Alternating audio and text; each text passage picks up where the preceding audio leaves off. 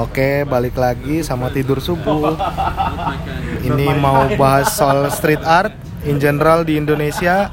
Udah sama Beli Piko di sini. Halo Beli Piko. Halo, Iya Beli Piko. Gimana kabarnya Beli Piko? baik baik. Baik Beli Piko. Masih sering gambar Beli Piko?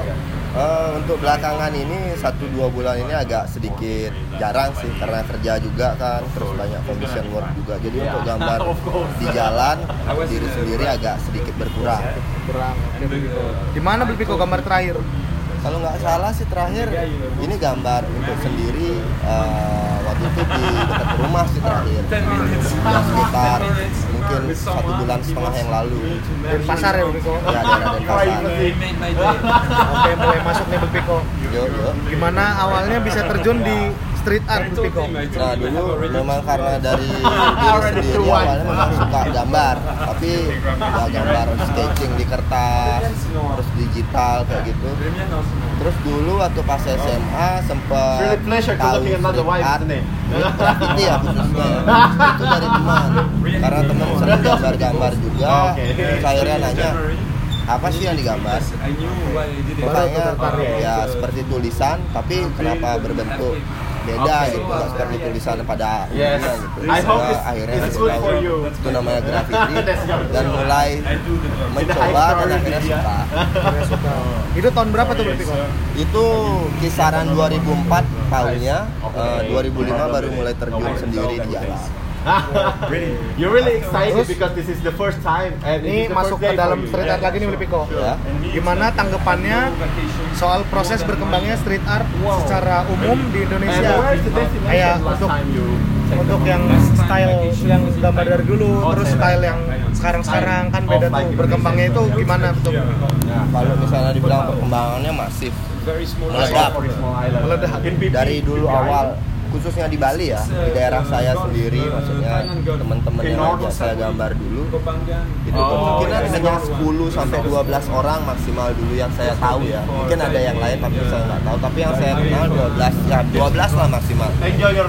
Tapi untuk style untuk perkembangan style sangat-sangat banyak sekali sekarang. Dari yang simple dari yang namanya wild style apa pun style itu sekarang kita di Bali itu sudah punya semua Apalagi writer ya apalagi writers yang untuk graffiti terus untuk perkembangan generasi baru ya. Oh bisa dibilang ya meledak lah. masif. masif. Yes. Terus apa kesulitan terbesar yang Beli Piko temuin di street art? Kesulitan terbesar yang paling pertama adalah untuk mendapatkan izin Ya. tembok yang ingin kita gambar itu yang paling pertama. Terus yang kedua mungkin dari segi istilahnya finansial untuk membeli istilahnya kebutuhan dan material gambar. Oke. So finansial juga ya Iya ya? benar. Kalau nih ngomongin street art nih, kan banyak nih di kayak di negara-negara lain itu street artnya orang-orangnya tetap kayak di bawah tanah aja gitu beli Piko. Maksudnya Underground. ya underground karena memang dia sub culture juga kan Iya. graffiti ini. Terus uh, skena di Indonesia juga kurang lebih kayak gitu walaupun lebih bebas dibanding di luar negeri. Ya. Terus kenapa waktu itu beli Piko lebih milihnya street art dibanding seni gambar yang lainnya? Ah, jadi saya tuh berpikir seperti ini. Dulunya waktu saya awal-awal mulai saya bisa dibilang adalah salah satu orang yang ada di bagian underground juga yang kerjaannya bombing, pandal, semalam-malam, subuh-subuh baru berangkat dibandingin istilahnya orang yang ngepis atau main istilahnya secara legal. Cuma setelah saya berkeluarga, saya berpikir istilahnya nggak cuma kepentingan saya aja yang saya harus jaga. Jadi seandainya oke kalau saya masih bermain di di subculture yang anggapannya underground, ya saya hanya berpikir jeleknya saat saya istilahnya ketangkep sama orang. Akhirnya istilahnya ada sesuatu hal yang jelek cuma karena saya menggambar yang akan membawa pengaruh buruk jadinya keluarga saya. Istilahnya saya membuat malu. Tapi itu dari pandangan diri saya sendiri. Saya istilahnya juga berpikir lebih baiklah saya membuat sesuatu hal yang bagus yang lebih bukan cuma sekedar untuk buang-buang cat karena harga catnya kan lumayan juga lebih baik saya sekalinya gambar walaupun jarang tapi memang benar-benar gambar yang bagus yang ngepiece yang benar-benar art. Bukan yang istilahnya kita main di underground yang vandal di sana vandal di sini seperti itu. Iya butuh butuh duit gitu. Iya. Harus ada support sistemnya ya gitu. benar.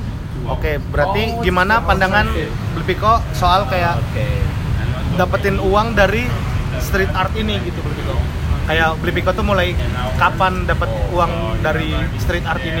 sebenarnya kalau untuk dapat uang tuh saya sudah dari dulu waktu kuliah tuh saya sudah pernah walaupun nggak sebanyak sekarang ya. Karena sekarang saya memang benar-benar 100% terjun di dunia street art. Anggapannya memang saya juga kerja untuk street art ya, to saya juga dapat uang dari street art dari commission work dari istilahnya saya juga kerja di toko street art di toko graffiti tapi kalau misalnya untuk dibandingin dari dulu dan sekarang saya dulu udah pernah dapat cuma ya jarang. Hanya beberapa orang tertentu saja seperti teman.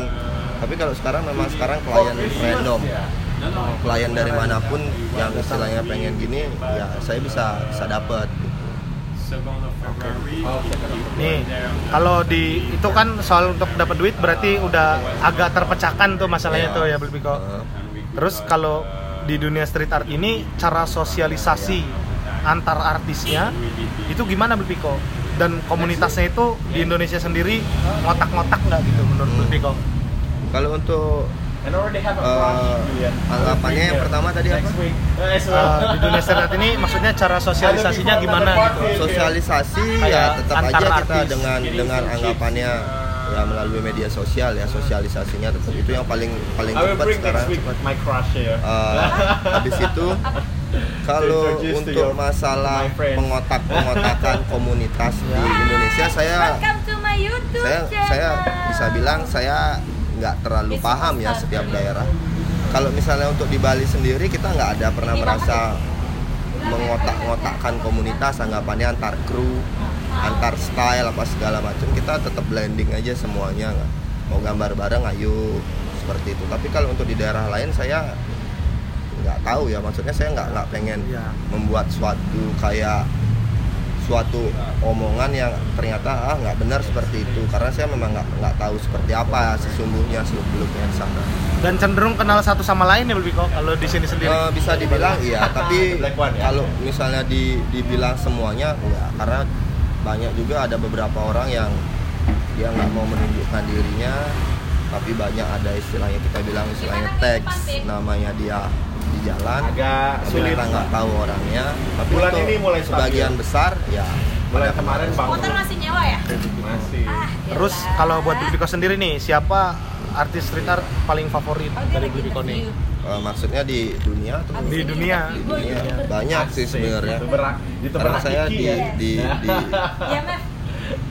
di diri saya sendiri stylenya itu 3D ya 3D ya benar, Nah, ini jadi salah satu artis anggapannya 3D. kita ambil dari dari tipe yang tiga dimensi ya itu sebenarnya ada dua dua orang yang saya benar-benar nggak nggak dua sih tiga tiga orang yang benar-benar istilahnya influence saya yang pertama itu adalah Mr. Totem 2 Serpopen 2. Mr. Totem 2 itu adalah uh, orang yang main 3D seperti bentuk bundam itu dia dari Amerika terus yang kedua adalah Mirko Schneiser Mirko Schneiser.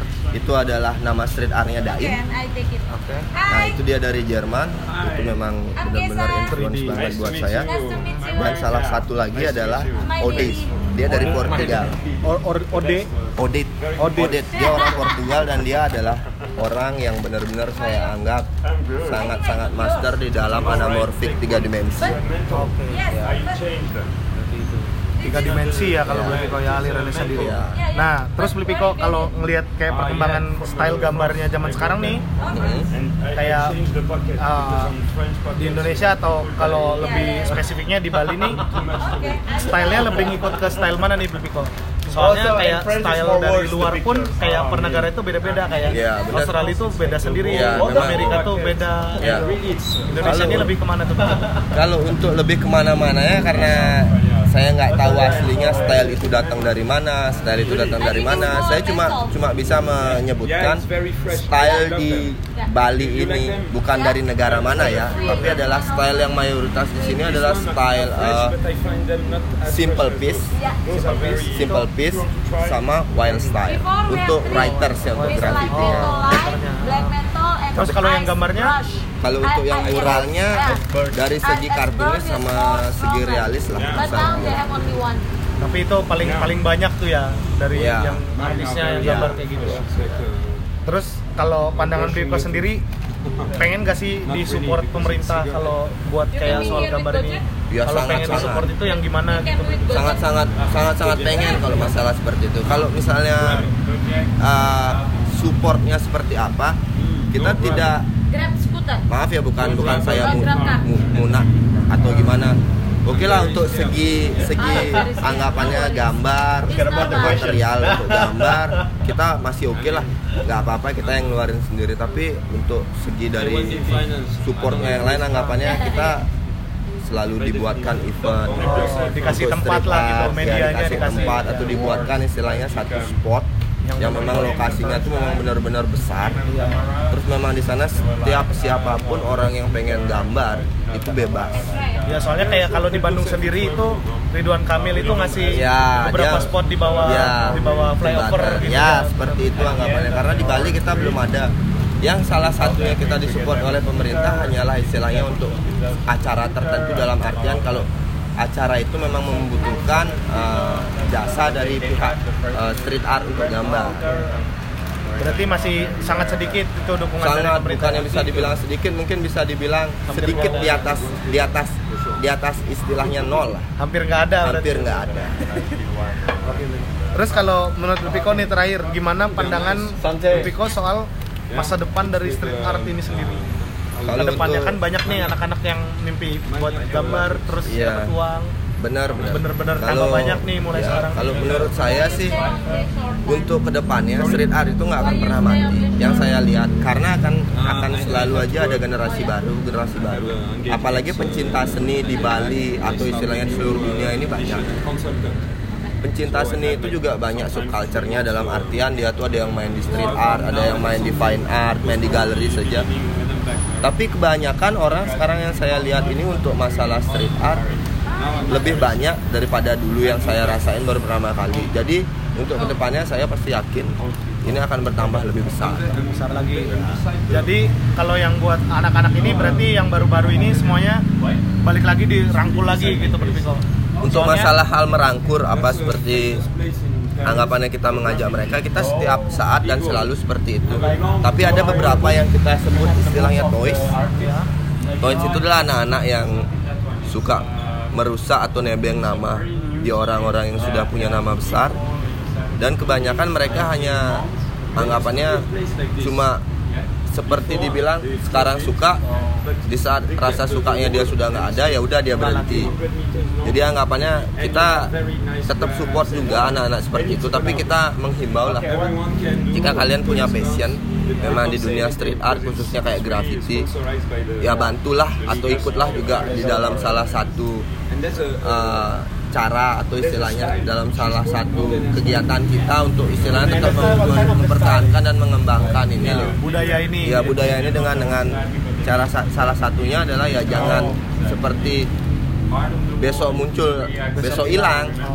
Jadi tetaplah walaupun kita jarang gambar tapi tetaplah support di saat ada acara gambar atau di saat ada ada teman gambar kita tetap datang muncul tetap memperlihatkan diri kita bahwa kita ada adalah salah satu orang yang tetap ada di sini organized. Support, supportnya nggak boleh berhenti. ya, walaupun dalam artian tidak dengan harus kita terus gambar Jadi kalau kita adalah salah satu bagian dari skena ini, di mana ada teman gambar di saat kita tahu dan ada waktu ya datang aja ke sana untuk support teman gue gambar sekalian kita ketemu sama teman-teman ngobrol seperti itu. Gak perlu kita harus gambar terus karena ya namanya orang kan mempunyai kondisi dan keadaan yang berbeda.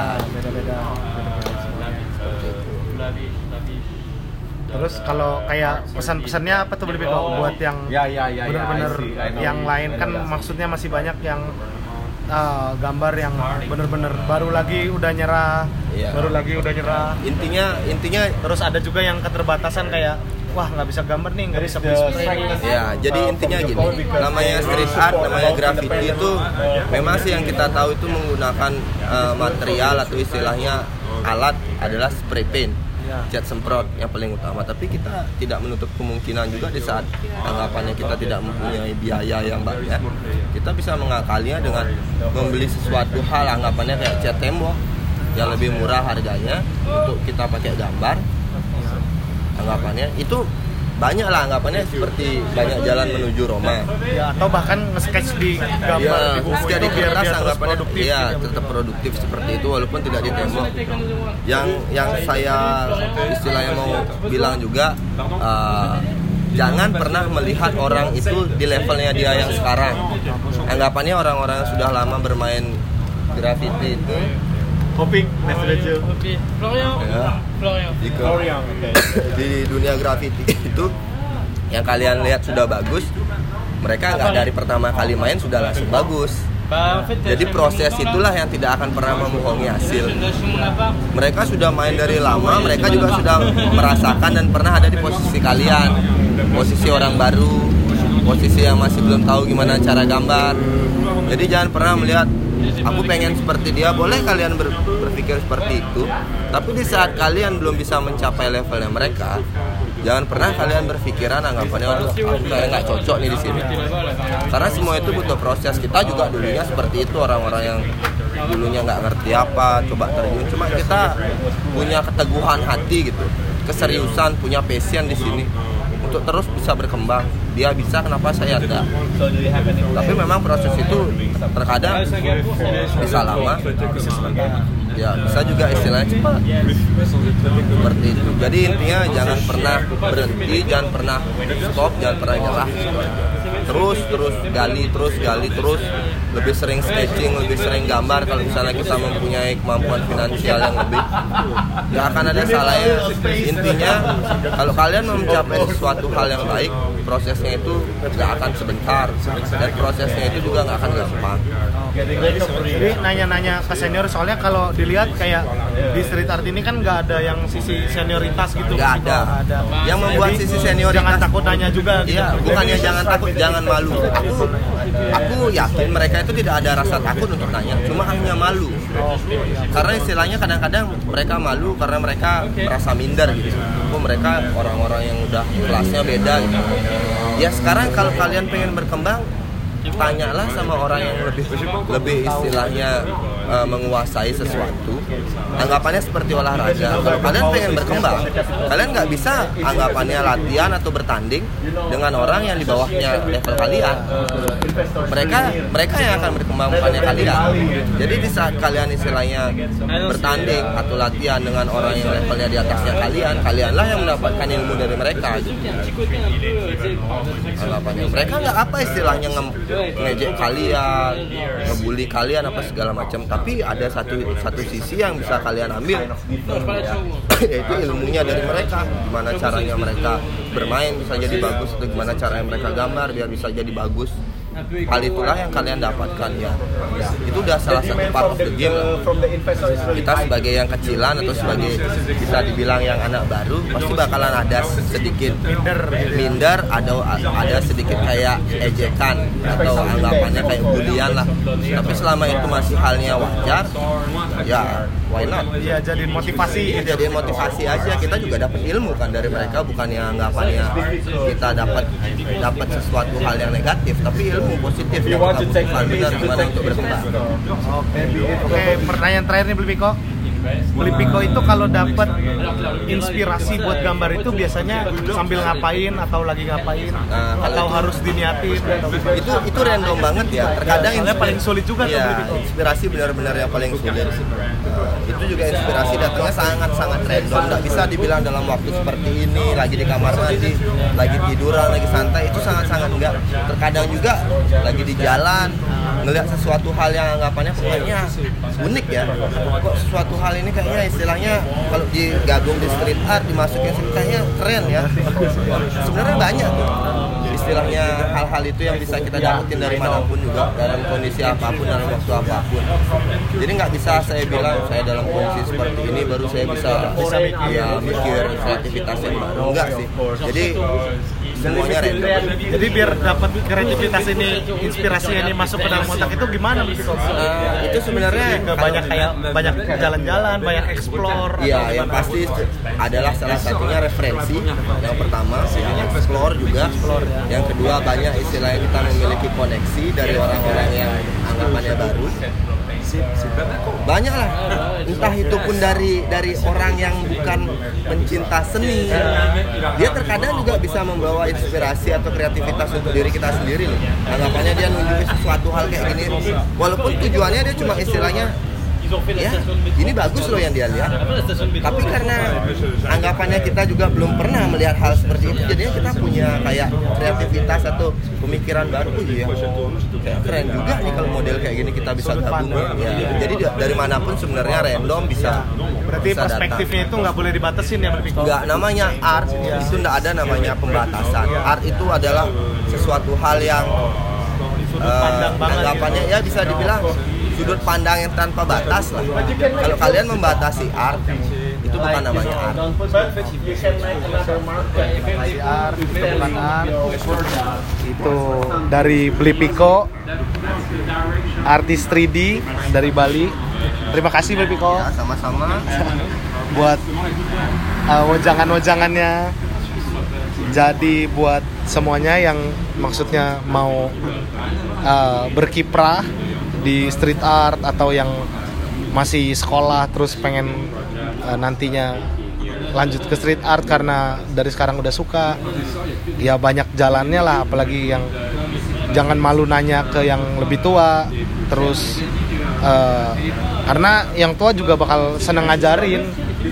Oh ya lagi satu kalau misalnya boleh. Jangan pernah menganggap diri kita walaupun kita sudah lebih lama main graffiti dibandingin sama orang baru jangan menganggap diri kita adalah suatu orang atau istilahnya lebih memiliki skill yang yang lebih baik daripada dia belum tentu soalnya Iya belum tentu. Oke untuk saat sekarang kita bisa lebih bagus dari dia karena dia adalah orang baru. Tapi di saat mungkin berapa tahun lagi Iya, belum tahu dia dia belum tahu. jadinya. Ya anggapannya jangan pernah menganggap kita tuh semuanya sama. Semuanya belajar. Oh, semuanya belajar. Harus didengerin nih kata-katanya. Beli Piko. Oke, Beli Piko. Masuk Beli Piko. Iya. Jadi harus diingat kata Beli Piko. Jadi seni itu nggak ada batasnya sama sekali.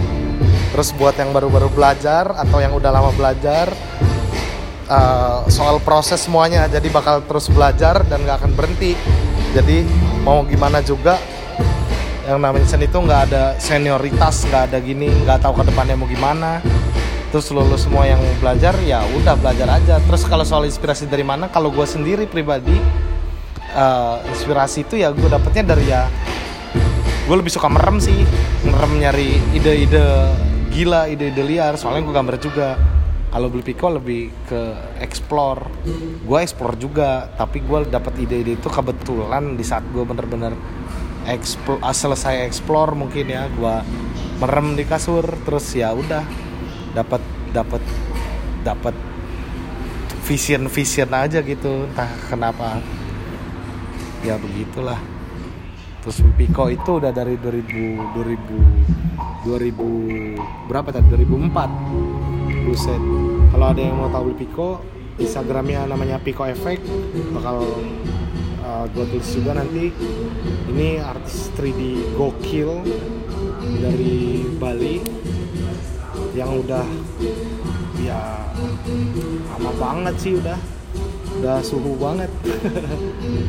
Oke kalau gitu uh, ini podcast gua ini yang ini bahas street art tadi tuh secara umum sih di Indonesia dan khususnya di Bali. Kenapa di Bali? Selain karena gue ini sekarang lagi ada di Bali kebetulan juga Bali ini tempat bertemunya uh, semua gimana ya semua budaya deh kalau di Indonesia. Jadi kayak street art street art itu artis-artisnya itu ketemu di Bali sering karena mereka entah liburan entah apa dan ke sini juga nyari buat ngelakuin street art itu bener-bener datang ke sini kolaborasi bareng dan mereka ya welcome banget sih. Udah banyak banget dari mulai nama-nama gede sampai nama-nama yang masih kecil nantinya bakalan gede juga yang gila-gila banget. Dari berbagai macam style gitu. Jadi ya proses belajar sih harus lo ikutin terus. Karena nggak akan pernah berhenti juga. Apalagi ngomongin soal seni. Ya kalau kata Bibika tadi seni itu perspektif tanpa batas jadi sudut pandang yang benar-benar bebas liar nggak boleh ada batasnya. Bener juga sih. Oke. Mantep. Segitu dulu. Kali ini terima kasih. Nenenenenen.